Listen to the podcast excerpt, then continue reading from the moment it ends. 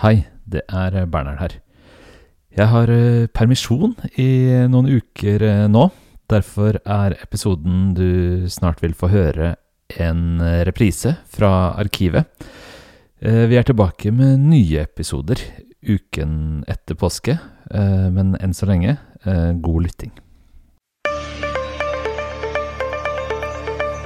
Det er vanskelig å se for seg noen roman i vår nyere litteraturhistorie som er utgitt under større trykk fra omstendighetene enn Salman Rushdies 'Victory City'.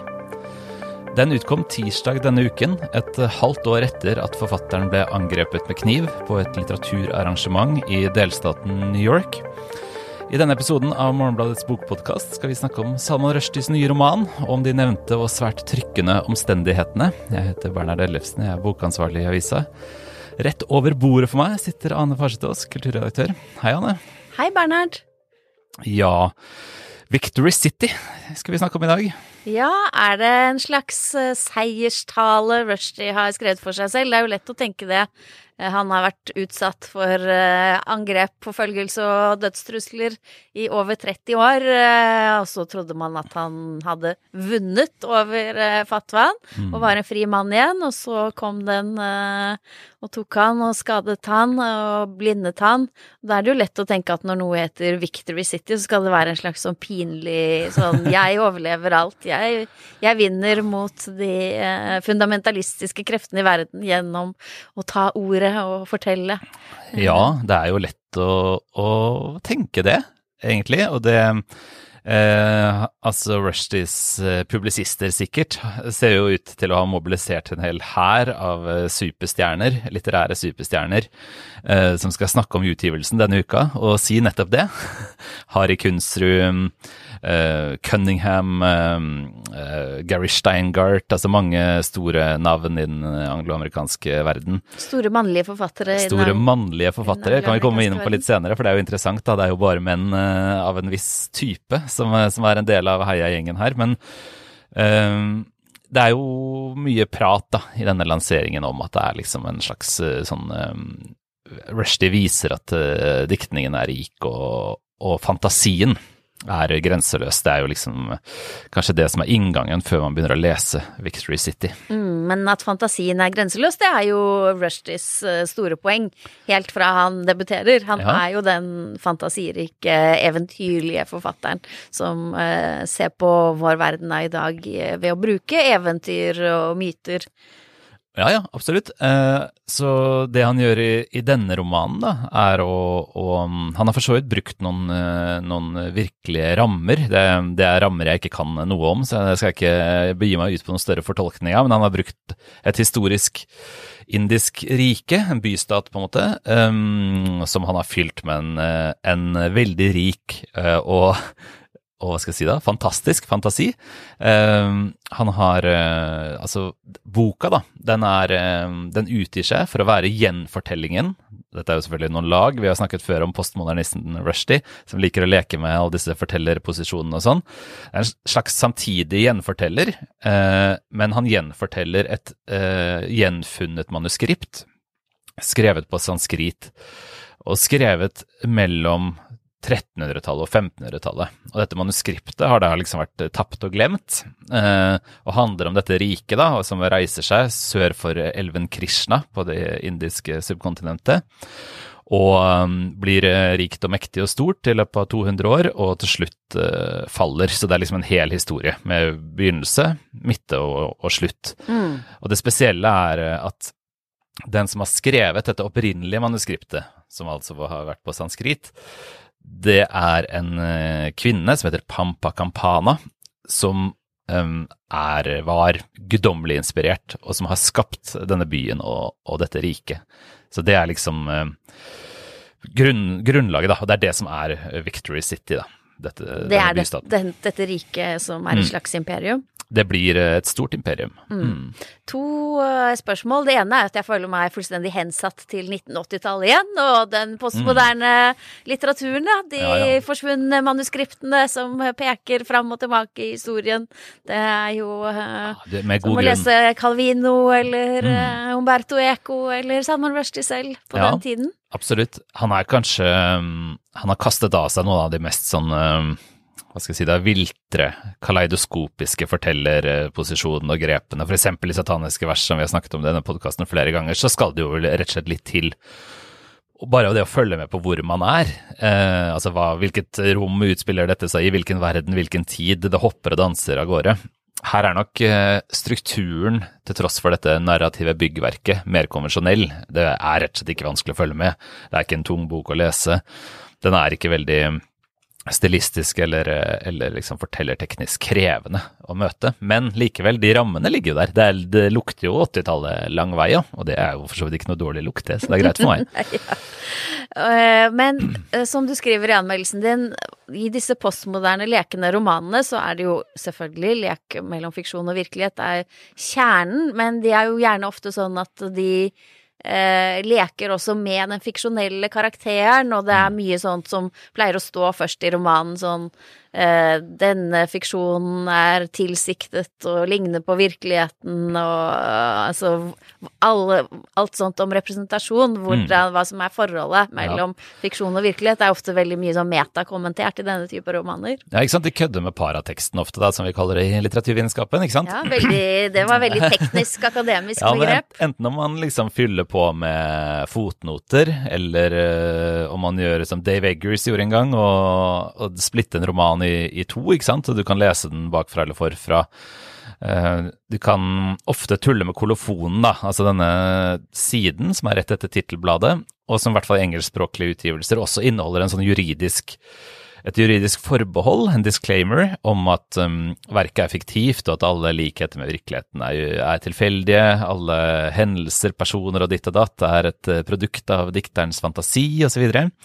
Og det lekte man jo mye med, i særlig amerikansk litteratur for noen tiår siden. Det som slo meg da jeg begynte å lese denne boka her, og, og, og kom til kolofonen, da, som jeg må si jeg nesten aldri stopper opp ved, eh, var at uh, her er det en helt alminnelig sånn uh, formulering om at Victory City is a work of fiction. Alt er et produkt av dikterens fantasi osv. Men for Rushdie nå så er, er, jo ikke det noe tilforlatelig ting, ikke sant? Flere titalls mennesker har jo mistet livet pga. Uh, det brennbare spørsmålet om uh, forholdet mellom fiksjon og virkelighet i Rushdies litteratur tidligere. Han har selv, uh, da for et halvt år siden bare, opplevd et helt utrolig brutalt knivangrep. Knivstukket 17 ganger, endte opp med å bli blindet og miste føleligheten i en arm eller hånd. Um, så, det var liksom som det der kolofonforbeholdet fulgte meg gjennom lesningen. Altså 'Victory City is a work of fiction'.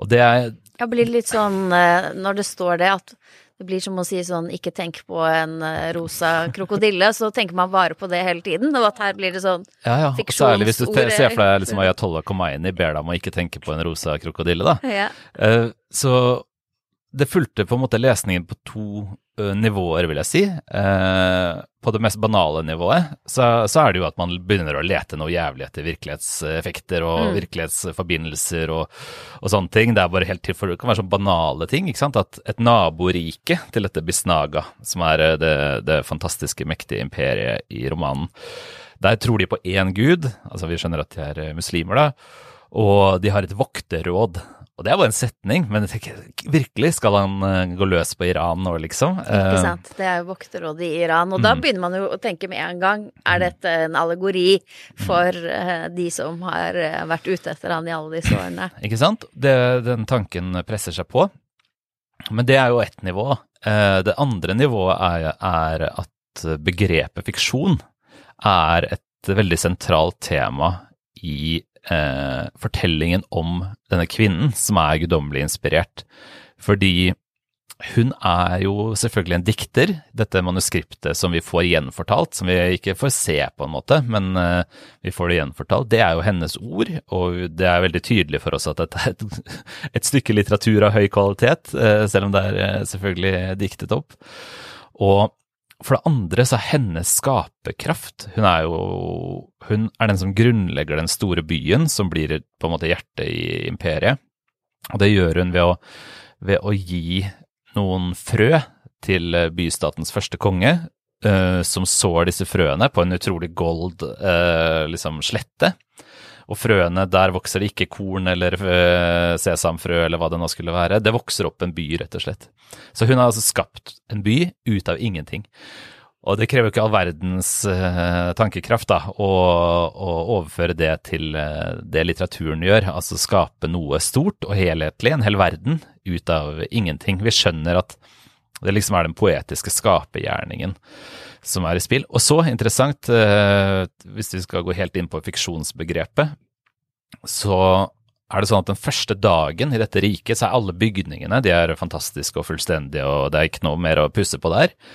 Men, men, menneskene som fyller gatene, de er jo voksne og barn og soldater og ditt og datt, men alle er som spedbarn. De går rundt, de tumler rundt, de har ingen De har liksom ikke noe språk, de, de har ingen kognitive ferdigheter tilsynelatende. De er liksom spedbarn uh, som tumler rundt. Og så kan hun da Altså, Rushdie skriver, eller gjenfortelleren forteller, at her solution was fiction. Så det er til og med ordet fiction brukes, som jo er veldig anakronistisk når vi snakker om 1300-tallet. Men det hun gjør da, er å hviske historier til dem. Hun gir dem deres livshistorier. Hun gir byen en historie. Hun dikter opp eh, den verden. Så hun skaper et slags eh, reisverk, ikke sant. Og så fyller hun det ut med historier. Så, så fiksjon er jo også et veldig viktig tema i fortellingen. Og derfor så syns jeg denne her kolofonens eh, påstand om at romanen er fiksjon, fulgte lesningen på veldig, veldig, for meg veldig interessante måter. Mm. Så disse menneskene de er alle sammen som en sånn tabula rasa, da, som er helt eh, blankt. Det ligger ikke noe, noe former der fra før av, og de blir bare formet av fiksjon. Yes, og det, det beskrives veldig fint. altså Rushdie har jo et veldig flott språk for, for hva skal jeg si, altså mangfold av fortellinger og, og, hva, og historier og, og, liksom relasjoner osv. Så, videre. så det er veldig fint beskrevet i romanen hvordan det går fra å være liksom et sted med bare tomsinger som tjomser rundt og smeller inni hverandre, til å bli liksom et, en rik vev av historier. Det er vel det han kanskje er mest kjent for også, ikke sant? å skape og tenke over betydningen av en sånn vev av fortellinger. Mm. Men når man lager sånne fiktive imperier, og man legger ting til andre tider og sånn, da er det jo som oftest så tenker man jo at det gjør man for å peke på noe i samtiden. Mm. Et moderne imperie som blir bygget og skal falle. Er det, hva er det, det britiske imperiet, det amerikanske imperiet, mm. Vesten? Er det noe sånt politisk, allegorisk nivå til dette imperiet her? Altså, hvis, hvis Rushdie har skrevet dette som en noe sånn kommentar til indisk historie, så må jeg pent henvise til noen som kan noe om indisk historie. Eh, men hvis man leter etter mer allmenne overføringer til, eh, til vår tid, så, så, finner man det. Um, altså, dette er jo et uh, rike hvor, er, hvor den mektigste personen i realiteten, selv om regentene til enhver tid er konger, er jo en kvinne. Altså Pampa Campana har jo skapt denne byen. Hun er byens mor, og hun, hun er dronning tre ganger. Hun, hun, gifter seg med tre av kongene i dette rikets historie. Og de, de, er jo på en måte hentet fra den ekte historien om dette riket, de kongene. Men hun er selvfølgelig diktet opp, og alt, alt bestemmes på en måte av eh, hennes historie. Og hun, er, hun vil at kvinner skal være like viktige som menn. Så hun, eh, hun, kjemper hele tiden mot sånn patriarkalsk reaksjon, liksom. Det kan man jo tenke at ja, det er jo en eh, herlig likestillingshistorie eller noe sånt nå. Er det en matriarkathistorie, da, eller som et sånt ja, det er vel hvert fall, En motvekt? Ja, det er i hvert fall en motvekt, og at liksom, matriarkalske og patriarkalske krefter står mot hverandre, kan man si. Og så får vi noen sånne ekskurser, eksempel så blir hun henvist til et slags eksil hun blir veldig gammel, hun blir 250 år gammel, det er en viktig del av fortellingen. Hun liker nemlig ikke å bli 250 år gammel. Hun, hun sørger mye over at alle menneskene hun elsker, eh, f.eks., skal hun overleve og se dem dø, f.eks. sine egne barn. Men uh, i hennes eksil så er hun i en skog, en fortryllet skog, som, også, som er et rent matriarkat, er kvinneskog. Og denne skogen ble truet av noen eh, liksom mytologiske rosa aper som gjerne vil ha ressursene der og, og gå frem med gjenkjennelige sånne eh, machiavelliske triks. Mm. er det også, apemenn? Ja, ikke sant. Eh, så har man det gående, da. Og det her er jo dritkjedelig. Hvem bryr seg? Dette er utrolig sånn Det er jo en besyngelse av sånn pluralisme og uh, toleranse for andre religioner, som preget dette riket for øvrig, da. Men Er det så kjedelig, da, Bernhard Ellefsen? Ja, altså, det er i hvert fall ikke noe som det er jo ikke kjedelig i den forstand at man ikke ønsker seg det.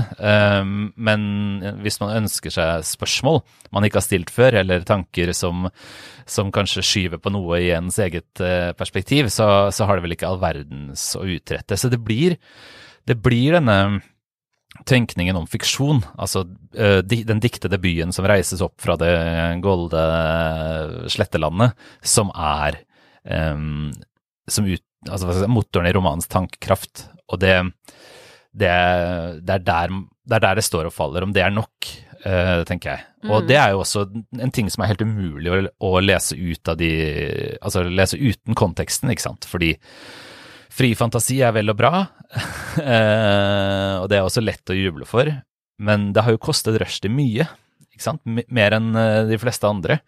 Så, så, det får jo et annet trykk, kan man si, da, eh, her enn enn hos andre forfattere, hvor man nok ville synes det var i overkant, sånn mildt og snilt. Ja, her må vi jo stille spørsmålet er det egentlig bra? Nå er det jo sånn at Rushdie eh, i sin tidlige karriere var jo han en veldig kritikerrost forfatter. Mm. Og det samme gjelder jo sataniske vers før det ble en politisk kontrovers så fikk mm. veldig gode kritikker og ble nominert til litterære priser. Eh, de seinere tiåra så har det vel eh, Det har vært mye negativt også rundt bøkene hans, da. Altså man er imponert over at han har klart å fortsette. Mm. At han ikke har på en måte endret på sin uh, litterære innstilling uh, etter at han dessverre da har blitt et symbol på ytringsfrihet, uh, veldig ufrivillig. Men samtidig så har vel de fleste ment at intensiteten og kraften i selve skrivinga ikke nødvendigvis er der den var. Men hvordan er det nå? Ja, det er jo som du, du har skrevet en liten kommentar i Ukas Avis om, om denne konteksten, og, og, sier at han er en slags uh, ufrivillig Voltaire-statue. Uh, det er jo en nesten umulig utsagnsposisjon for en forfatter, uh, kan man forestille seg. Det er jo lammende å skulle være et sånt vandrende symbol på opplysningstidens idealer. Ytringsfrihetens ja, ridder i hva slags, hva slags, frihet Verden. til å dikte eller tenke gir det, da? Veldig lite. Og jeg må si at jeg har vært utrolig eh, lei av Rushdie. Eh, hans romaner eh, de siste 20 årene har eh, interessert meg fint lite, og jeg syns han har vært så irriterende å, å lese at jeg ikke bare liksom syns det har vært ufarlig, men direkte svulstig og, og bare too much. Um, nå syns jeg i hvert fall ikke det. Altså, ikke, det er ikke irriterende lesning, dette. Tvert imot, som, som sånn, et eventyr. Uh, fungerer det veldig bra.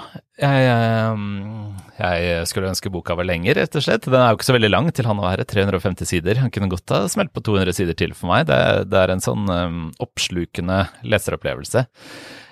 Er det så bra som man var på 80-tallet? Absolutt ikke. Ikke i nærheten. Um, og det, under lesningen her, i hvert fall, så tenker jeg jo at det skyldes at han hadde jo denne evnen til store, fantastiske litterære konstruksjoner. Det har han alltid hatt. Eh, men han hadde også et emne. Han var rett og slett en minoritetsforfatter, og minoritetsidentiteten var hans emne. Og det er jo ikke noe lite emne, det er et av litteraturens aller fremste emner. Og, han, og det er jo kanskje der han har hatt mest å si, da, i britisk eh, litteratur, særlig i britisk samfunn, mm. siden han var en av de første virkelig gode forfatterne som skrev om dette med å være fra det indiske subkontinentet og, og være innbygger i Storbritannia og stå i den skvisen der. Ikke sant? Han, hans forfatterskap var startskuddet for en sånn enorm blomstring for uh, forfattere med indisk eller pakistansk uh, bakgrunn. Og vi har jo snakket om den norsk-pakistanske litteraturen, og det er jo nærliggende å tenke at det går i hvert fall indirekte linjer eh, fra Rushdies storhetstid og frem til eh, den også, i Norge. Så, så det var jo fantastisk, og det var, utro, det var jo farlig. Dessverre så ble det farlig på noen andre måter også, men det hadde en enorm edge eh, på 80-tallet.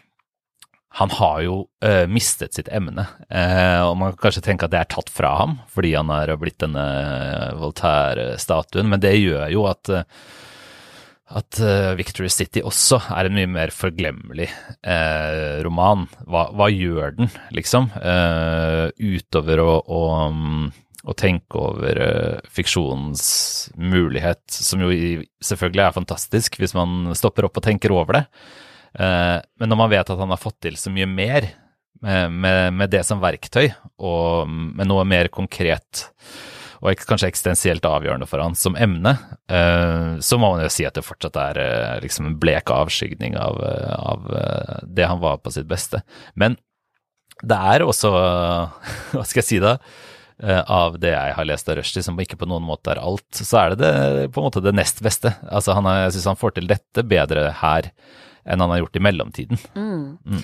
Men er det, er det, Vi snakket jo om at sant, tidligere var emnet hans det å være minoritetsforfatter, eh, minoritetsinnbygger i det britiske imperiet, men er det noe feministisk over dette her, eh, den her eh, matriarkatfortellingen hans, eller hva er det han holder på med der? Ja, det har vel vært et spor hele veien. Kvinner, og på litt ulike måter, fra sataniske vers og, og gjennom disse storslåtte fantasiene i mellomtiden til nå. Det er vel ikke hans sterkeste side, kanskje. Um, det er uh, veldig lett å, å uh, rette feministisk kritikk mot disse bøkene. Nå syns jeg det er ørlite grann humørløst mot denne nye. Det, det er uh, Hvis skal, noen skal få lov til å være litt politisk ukorrekt, og det er virkelig bare litt, så, så er det rushtid. Men det er klart. Kvinnene i denne romanen også, da, er nesten uten unntak slående vakre. Pampa Campana har i tillegg den merkelige egenskapen at hun jo ikke eldes, så hun fortsetter jo å være smoking hot i 200 år. Eh, og det skjønnhet er et veldig viktig trekk ved kvinnene, um, og ikke minst deres vellysta. Uh, I en av hennes viktigste perioder som på en måte strateg i Bisnaga-riket, så lar hun offentlige bygninger osv.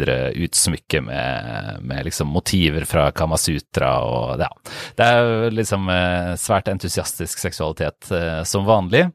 Og um, i en litt uh, også sedvanlig tvist, da, så, så, har disse vakre damene de har ikke noe problem med å, at mennene kan være litt lave og tykke og kanskje litt tynn i hår og sånn. Det er helt greit.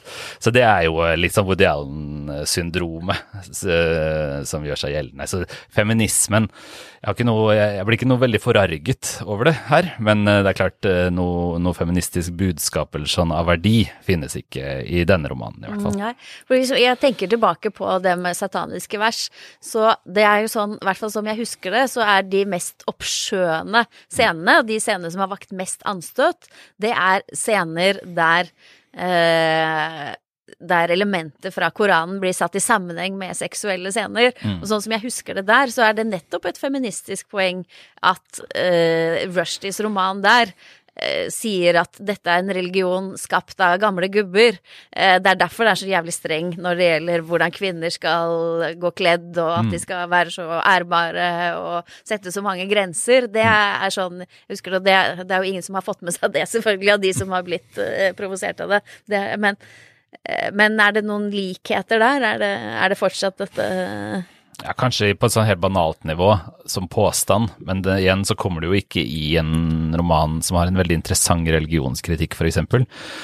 Så snarere føles det vel som at uh, når kvinnelig energi eller kraft eller makt skal beskrives, så beskrives det gjennom en sånn uh, feminist... Nei, The Feminine Mystique på overdrive, liksom. Så, det, så grunnleggende sett så tråkker han jo bare i baret. Mm. Uh, her, i hvert fall. Fordi um, det er klart, hun er jo denne byens mor. Hennes uh, skjød spiller opptil flere roller i løpet av fortellingen. Og, og selv om det er kvinnelige soldater og osv., så, videre, så så blir ikke det noen, eh, hva skal jeg si da, noen utfordrende tanke på noe, på noe tidspunkt. Det er litt for sånn karakteristisk eh, middelaldrende mann skal løfte fram kvinner, og da er det ofte en underlig måte å løfte på, som først og fremst eh, utmerker seg. Det kan høres litt ut som eh, Jonas Wergeland, Jan Kjærstads eh, utmerkede romanhelt fra Forførertrilogien. Mm. For i den trilogien så skal Jonas fortelle om hvordan han har blitt til, og det er da gjennom alle kvinnene han har vært sammen med. Og når han skal løfte fram hvor fantastisk viktige disse er, om de har vært politikere eller idrettshelter eller oppdagere eller kunstnere, så er det jo det viktigste han gjør med dem dem, er jo at han penetrerer dem med sin magiske penis. Og det er slik han kommer i kontakt da, med alle deres enestående kvaliteter. Ja.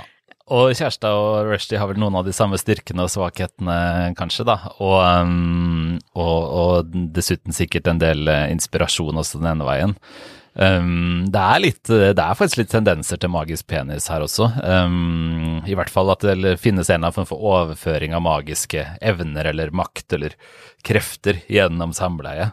Og igjen, det er, det er, helt greit for meg, men det er ikke det, det, er ikke det som jeg liksom uh, tar notater og tenker jøss, dette var interessant, her var det noe å lære.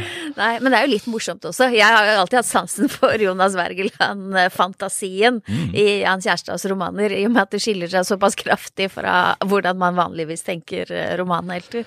Ja ja, men det, igjen, da, det er greit å, å, å at seksuelle overskridelser f.eks. eksempel, ikke liksom uh, pakkes inn i en sånn utrolig høflig uh, budskap, det, det, er, det er bedre enn det motsatte. Så um, der er det vel kanskje litt sånn tendenser til at det fortsatt er noe sånn liv i Rushdies skriving utover denne avanserte og interessante og gode besyngelsen av fantasien. Altså, det er fortsatt uh, viktig med sex, og det, det, det, det funker greit nok, mm. liksom. For eh, overdreven høflighet, det kunne jo kanskje fort blitt eh, resultatet når man blir utsatt for sånt massiv press som man har blitt. Helt i mm. starten så prøvde jo også Rushdie et par ganger å se om det ville hjelpe, å legge seg flat mm. og være litt mer imøtekommende og få kritikken, men uh, det hjalp jo ikke i det hele tatt. Uh, og det er vel et spor han har lagt fra seg. Ja, og det er vel også en konsekvens av at uh, det var aldri det som var poenget for de som, uh, som gikk løs på han heller. Altså, boka 'Sataniske vers' var et påskudd, ikke uh, noe sånn budskap de hadde finlest og stilte seg kritisk til substansen i. Det er en anledning til å mobilisere til global religiøs fundamentalisme. Så så det hjelper jo ikke hva Rushdie gjør, og det har han eh, helt sikkert for lengst uh, forstått. Men jeg, jeg, ser at han har åpnet for at han kanskje også vil skrive om selve knivangrepet, um, men i en annen form. Han har jo skrevet en bok som heter Josef Anton. Så hvor han går mer direkte løs på, på um, livet under fatwaen. Det er en memoarbok, riktignok i Rushdies tapning, men, uh, men, det er det. Og det, det, det kan han jo gjøre eh, nå også, og det vil helt sikkert bli, bli, veldig interessant. Men denne boken her er jo mer at, eh, at uh, hans, hans, litteratur, som sikkert er eksistensielt avgjørende for han det er, ikke, det er ikke noe, Jeg tror ikke hans besyngelse av fantasien for han er noe sånn uskyldig høflig affære. Det kan bli det litt for leseren, men, men her er det vel det som liksom triumferer. Altså jeg Uansett hva dere sier, jeg skriver en Rushdie-roman. Ja, han sier jo i et uh, intervju i New Yorker denne uka, som er gjort av sjefredaktøren David Remnick, at han uh, vurderer å skrive, som du sa, en bok om knivangrepet, og da skal han ikke skrive i en sånn kaleidoskopisk, mangefasettert form. Da skal han uh, for en gangs skyld ta ordet selv og snakke i jeg-form. I en enkel, rett fram-bok, sier han. Ja, det er vel på en måte nærliggende konklusjon. Det er når man eh, selv har fått kniven i kroppen, da er det liksom, da er det ikke noe andre enn en jeg som kan eh, fortelle. Så det, det, det ville vært veldig, veldig interessant. Og, og, vi burde jo også anbefale dette intervjuet med David Remnick. Det er, det er veldig, veldig, interessant å høre, høre hva, hva Rushdie tenker nå.